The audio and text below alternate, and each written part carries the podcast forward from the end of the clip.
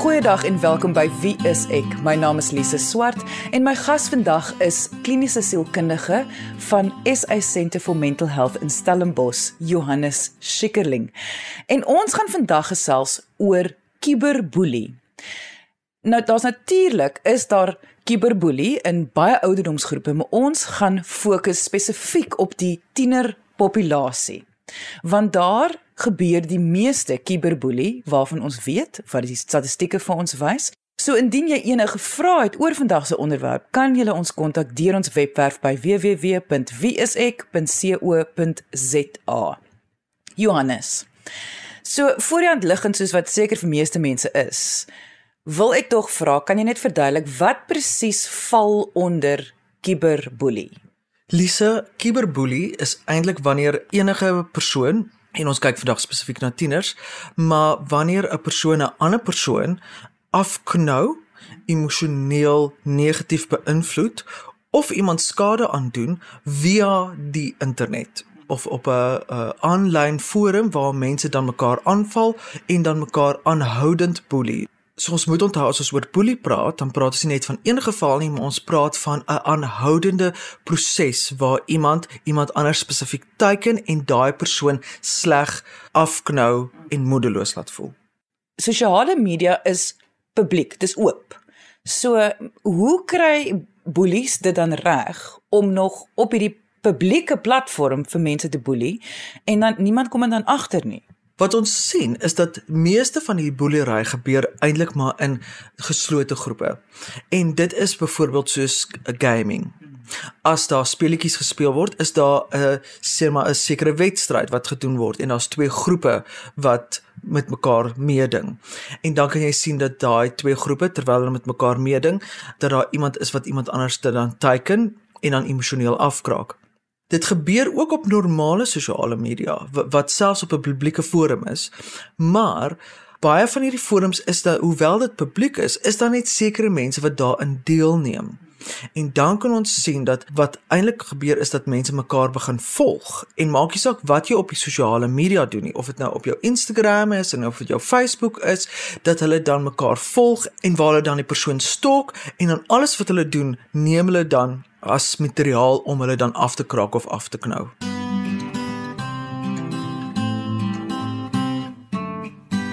Hoekom boelie 'n kind? Wat gebeur in 'n kind se lewe dat hulle 'n boelie is? Ons weet dat boelies is kinders, tieners, mense wat sukkel self met 'n moeilike gevoel. Met ander woorde, hulle voel self sleg of swak of kwesbaar en dan in plaas daarvan om hierdie gevoel te erken en daarmee te werk, projekteer hulle dit dan op iemand anderste. Hulle sit dan daai gevoel op iemand anderste wat hulle voel swakker, nie so vaardig is nie of dalk nie dieselfde vaardighede as hulle het sosiale vaardighede het as wat hulle het nie. En dan vat hulle hierdie gevoel en sit dit op daai persoon. En dan natuurlik wat gebeur is in hierdie oordrag van gevoel voel hulle natuurlik baie beter. So sê nou maar ons twee speel 'n speletjie en ek voel ek doen nie so goed soos jy nie, dan begin ek jou persoonlik aanval en dan voel ek beter en ek sien dan hoe maak jy foute, hoe begin jy swakker doen en dan voel ek natuurlik beter want nou lyk like my punte of score of wat dit ook al is beter as joune en dan kan ek jou so dan boelie. So elke gevoel wat ek dan het, slegte gevoel wat ek het, kan ek dan lekker vir jou gee. Jy vat dan daai slegte gevoel en ek vat dan 'n lekker gevoel. So dis met ander woorde 'n magspel. Jy jy boelie iemand om te voel jy het die mag, jy het die beheer. Absoluut. So dit gaan absoluut oor mag en beheer voel, beter voel as een as as die ander persoon. Baie mense sal sê in, in verskeie omstandighede, selfs wanneer dit kom by depressie en so, dat mense verstaan nie tot hulle nie self in die situasie was nie. Wat ek wel al agtergekom het van spesifiek die konteks van boelie is dat baie mense voel mense kan maklik vir 'n boelie sommer net ignoreer of maklik nie geboelie word nie en dat mense wat val daarvoor tussen aanhalingstekens hulle moet maar net die regte woorde kry of maar net die regte manier kry. Mense verstaan nie hoe moeilik dit is om 'n slagoffer van 'n boelie te wees en hoe maklik 'n mens 'n slagoffer kan word nie. Absoluut. Baie mense dink dat dit so maklik is as iemand jou op op uh die rekenaar boelie of op 'n selfoon is so maklik soos jy sit dit af. Die waarheid is eintlik dat tieners word groot in 'n totale ander samelewing. Daar is eintlik letterlik twee identiteite wat hulle het. Daar is 'n realistiese realiteitsidentiteit en dan is daar ook 'n virtuele identiteit. Nou die twee vermeng ook sodat hulle staan nie heeltemal apart nie. Met ander woorde jou boelie kan iemand wees wat in die Verenigde Koninkryk sit, maar dit kan ook 'n maatjie by die skool wees. So wat gebeur is die boelery kan bloot voortgaan. So as dit nie op die gaming gebeur nie, dan gebeur dit by die skool en vice versa. Of ander kinders wat by die skool is wat saam met jou die game gespeel het, neem die boelery oor. Met ander woorde, hulle terg jou ook oor wat die ou van die Verenigde Koninkryke vir jou gesê het. So jy lyk dom. Ons moet onthou dat in hierdendagse samelewing is speletjies op die internet is eintlik maar die die speletjies wat ons gespeel het toe ons klein was in die buurt. Dis die aan aan, dit is die wegkruipertjie. Dis al daai word nou net op 'n virtuele platform gespeel. En wat mense daarvan jou dink, is vir jou amper belangriker as wat die kinders by die skool van jou dink. Want jy sien net vir hulle net 'n bietjie en hulle ken jou nie so goed of so intiem nie. En mense verstaan nie. Hulle verstaan nie hoe weet hierdie persoon van die Verenigde Koninkryk so baie van jou. Want dit is jou maatjie. Jy spandeer eintlik meeste van jou tyd saam met daai persoon. Jy's in 'n span saam met daai persoon. Julle wen saam. Julle verloor saam. Julle gaan deur 'n hele emosionele reis saam. So dit is nie so eenvoudig as net maar sit net die foon af of delete net die app nie Dit is regtig 'n vaardigheid wat mense sal moet leer en wat ons sien is omdat kinders byna konstant toegang het tot tegnologie het hulle nie tyd om die vaardighede aan te leer nie of is die vaardighede wat hulle moet hê is hulle eintlik te jonk om te hê. Hulle het nog nie inligting veronderstel om daai vaardighede te hê nie. Jy luister na Wie is ek op RCG 100 tot 104 FM.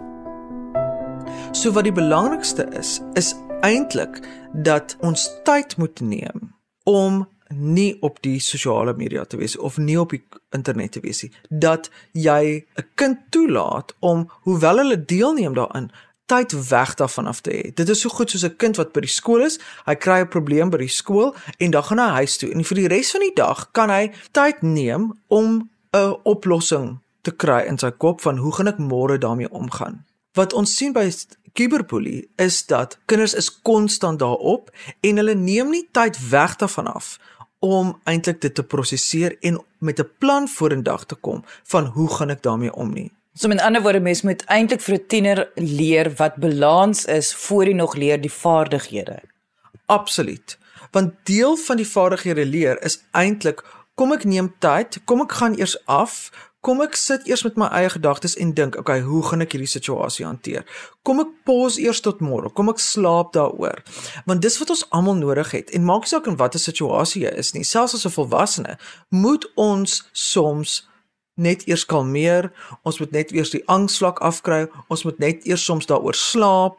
Ons moet net soms eers na die gim toe gaan en dit uitwoed. Ons het tyd nodig om dit te prosesseer om by 'n oplossing uit te kom en so nog te meer kinders of tieners wat nie die vaardighede het nie. So dit is so belangrik dat ouers spesifieke tye uitblok waar die kind nie op die tegnologie is nie sodat hulle kan prosesseer. En dit beteken nie hulle moet alleen in 'n kamer sit nie.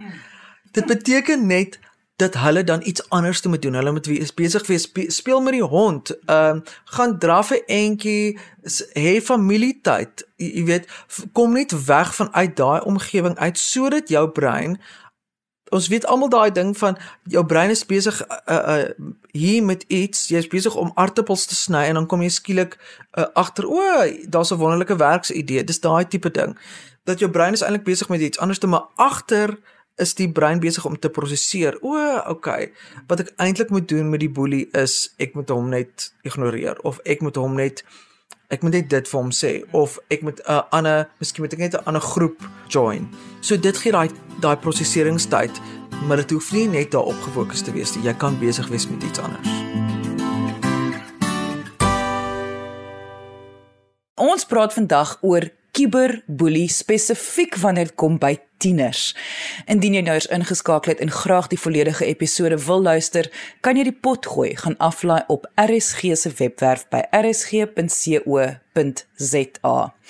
Johannes, voor die advertensiebreek het jy baie mooi verduidelik wat die eerste, kom ons noem dit nou maar, deel van vaardighede aanleer wanneer kom by tieners en dan nou spesifiek kiberboelie en dit is om 'n kind eintlik so half te forceer om bietjie weg te staan van tegnologie sodat hulle breine die kans kan kry om te verwerk wat met hulle gebeur. Ek wil nou gou-gou nog 'n stap verder vat of terugvat. Ek is nie seker op watter rigting nie, maar ek wil net gou-gou in 'n ander rigting ingaan en dit is wanneer dit kom by tieners is hulle baie geheimsinnig. Hulle deel nie graag veral met hulle ouers of ander volwassenes nie, want natuurlik hulle probeer hulle eie identiteit vind. Maar die probleem daarmee is is dat wanneer daar kiberboelie plaasvind, gaan hulle nie noodwendig vir enige iemand daarvan sê nie. So, waarvoor kan ouers uitkyk om te sien is my kind oukei? Okay? Dit is 'n baie goeie vraag en ek dink as ouers moet ons baie spesifiek daarop wees dat die tegnologie waarop jy is is eintlik my besit. Byvoorbeeld die telefoon wat jy het of die selfoon wat jy het is eintlik die ouers se. Die rekenaar is eintlik die ouers se. Sou hulle dit gekoop het. As die kind dit nou op hulle eie geld gekoop het of wat ook al, dan moet mens in mate van kontrole daaroor uitoefen. En dit is jou verantwoordelikheid as 'n ouer. Jy kan dit nie net los nie en dus moet jy ook jou kind baie fyn dophou.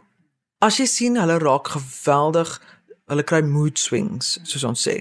So daar's baie angs of daar's baie of daar's depressie of hulle word maklik kwaad of jy hoor gille en skree uit die kamer uit of hulle begin goeters breek want dit werk nie vir hulle nie, dan kan ons ook daarna begin oplet.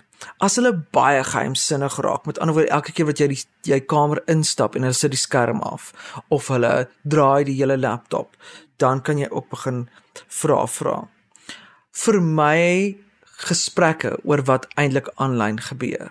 So met ander woorde as jy vir hulle dan vra wat gaan aan of hoe was die speletjie of het jy gewen of so iets en hulle probeer die die onderwerp vir my. Net so, net so. Dit dit is ook as hulle skielik eh, sommer net opstaan van die rekenaar. Jy weet hulle was nog besig en dan skielik, jy weet of of jy het nou 'n tydlimiet gegee en skielik besluit hulle o ek ek wil nie meer speel nie. Dan kan mens aanneem daar het iets gebeur en dan is dit belangrik dat ouers iets daaroor vra. Ons moet ook kyk na die eet en slaappatrone. Ons sien veral in tieners dat hulle deur die nag uh, game en dat hulle slaappatrone drasties beïnvloed word daardeur. En ook hulle eetpatroon. Baie keer is hulle so besig om te game dat hulle vergeet om te eet of hulle eet 10 minute voor dit middagete is of jy weet wat, wat ook al. So ons moet daarna oplet dat daar nog steeds 'n balans en rotine is wat gehou kan word. Skielike fisiese simptome hoofpyn, maagpyn en dan ook skielike weiering om skool toe te gaan of om in sekere aktiwiteite deel te neem. Daarna kan ons ook oplet en dan sien ons ook dat hulle baie keer onttrek of van familie byeenkomste of jy weet etes of dat hulle selfs begin onttrek van vriende. En dit is die goeders waarna ons kan oplet. Hiermee saam moet ons dit noem dat navorsing wys die hoeveelheid stimulasie wat 'n skerm en veral gaming en veral online gaming vir 'n kind bied is dieselfde as enige stimulerende substans en hier verwys ons na iets soos kokain. So wat in jou kind se brein gebeur met gaming? Dit is so erg soos wat hulle kokain neem dit beïnvloed al jou sintuie. En en, en deesdae is dit nog meer oorweldigend want terwyl hulle op die game sit, sit hulle ook met hulle selfone langs hulle en hulle is op Discord en dan is daar ook nog gesprekke wat aangaan. So daar is nie 'n moment wat jou brein nie gestimuleer is nie. En ons weet dit het 'n geweldige invloed ook op breinontwikkeling. Dat as jy dit oorweldig, dan gaan jou brein naderhand begin uitbrand of hy gaan 'n verwagting hê dat jy die heeltyd so besig moet wees dat hy gaan dink skool is super vervelig. Want hy is mos nou gewoond aan hierdie super intense oorstimulasie. So dit is so belangrik dat ons breuke neem dat daar 'n gesonde breinontwikkeling kan gebeur en nie net hierdie ekstreme oorstimulasie nie. Maar Johannes, gaming is deel van die sosiale milieu van die tieners van vandag. Mm, mm. So mense sê ook nou nie dat ouers moet nou ooreageer en alle gaming net stop en dit wegneem nie. Hoekom sê ons hulle moenie dit doen nie? Balans, balans, balans. Want dit is die leefwêreld van die tiener. Of ons nou daarvan hou of nie, ons soek nie alles of niks nie. Ons soek regtig net 'n balans van gesonde ontwikkeling, maar ook die ervaring van wat hulle hedendaagse lewe betref. Nou ons het baie gefokus op gaming spesifiek. En cyberbully is nie net met gaming nie. Natuurlik is dit ook ander platforms ook. Ek wil net seker maak dat alles wat jy vandag gesê het, gaan in elk geval tel vir eintlik alle tegnologie. Net so. So alle tegnologie kyk ons na. Ons kyk byvoorbeeld na WhatsApp en wat daar gebeur.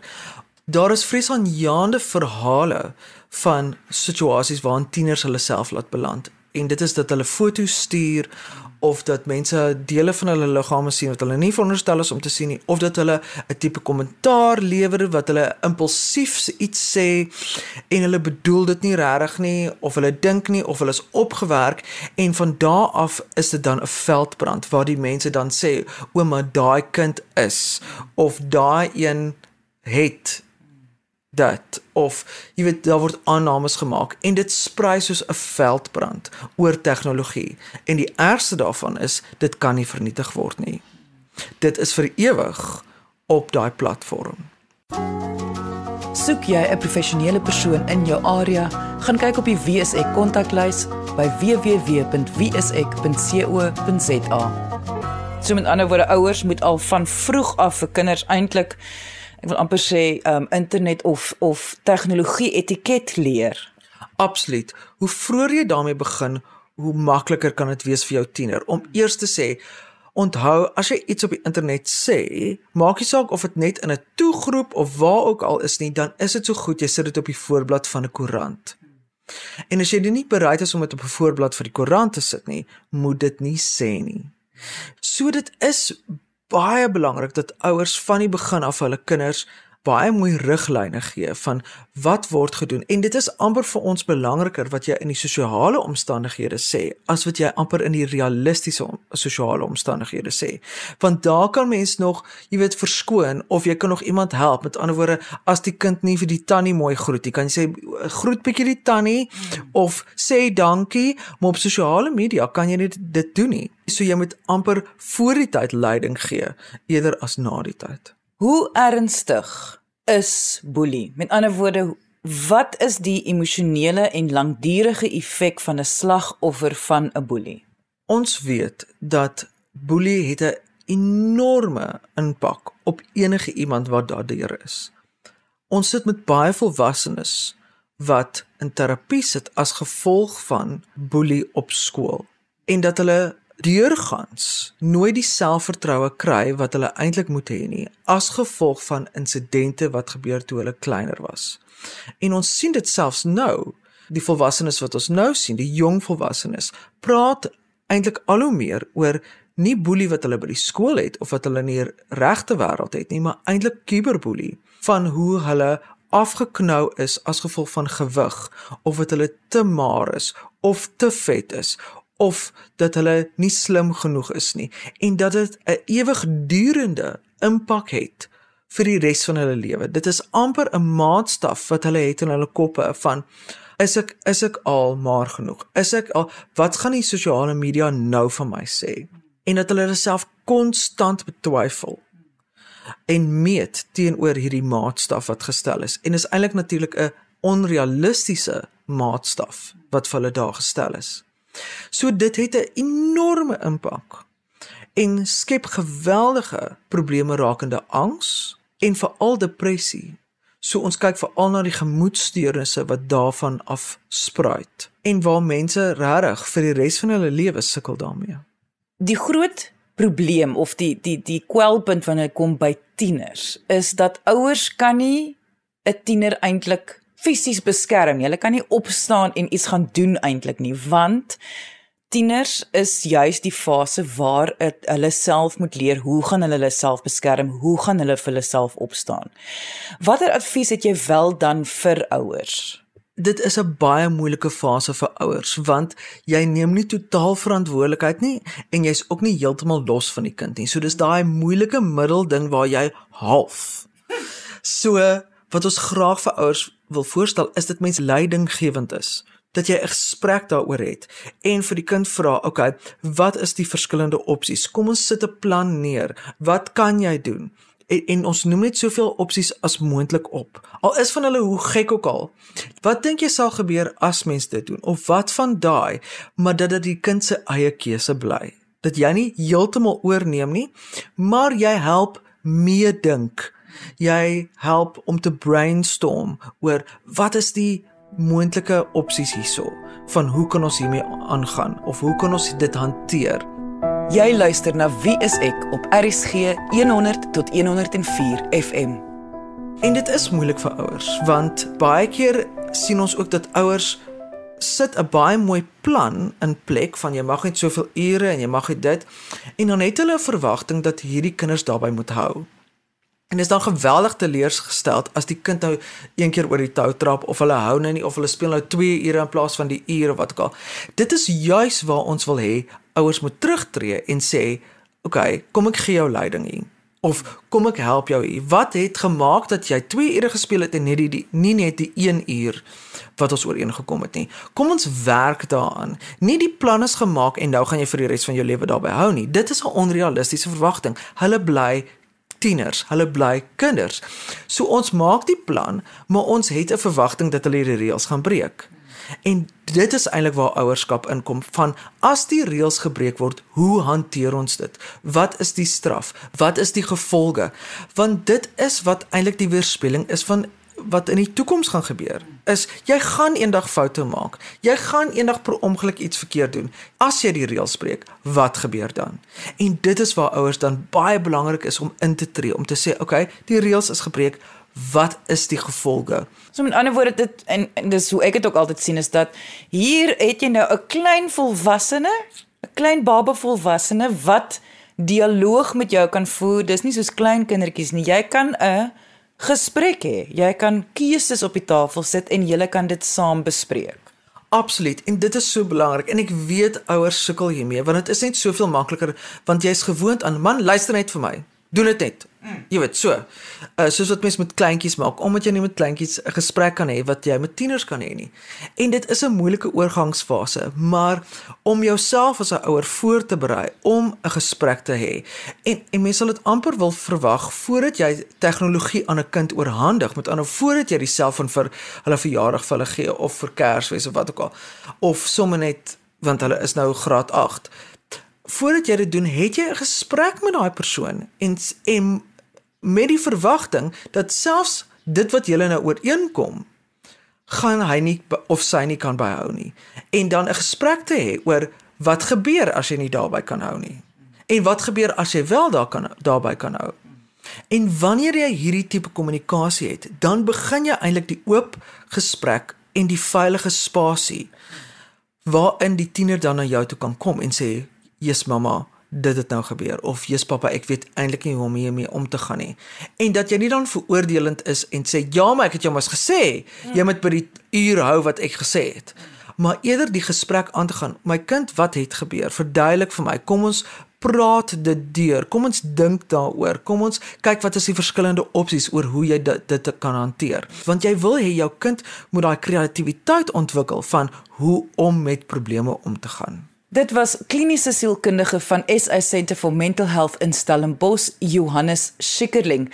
Indien jy enige vrae het oor vandag se onderwerp, kan jy ons kontak deur ons webwerf by www.wieisek.co.za of kom gesels saam op ons Facebookblad onder wieisek.sa.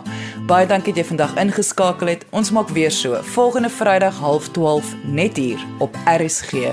Jy moet 'n heerlike naweek hê he, en onthou, kyk mooi na jouself en jou kind.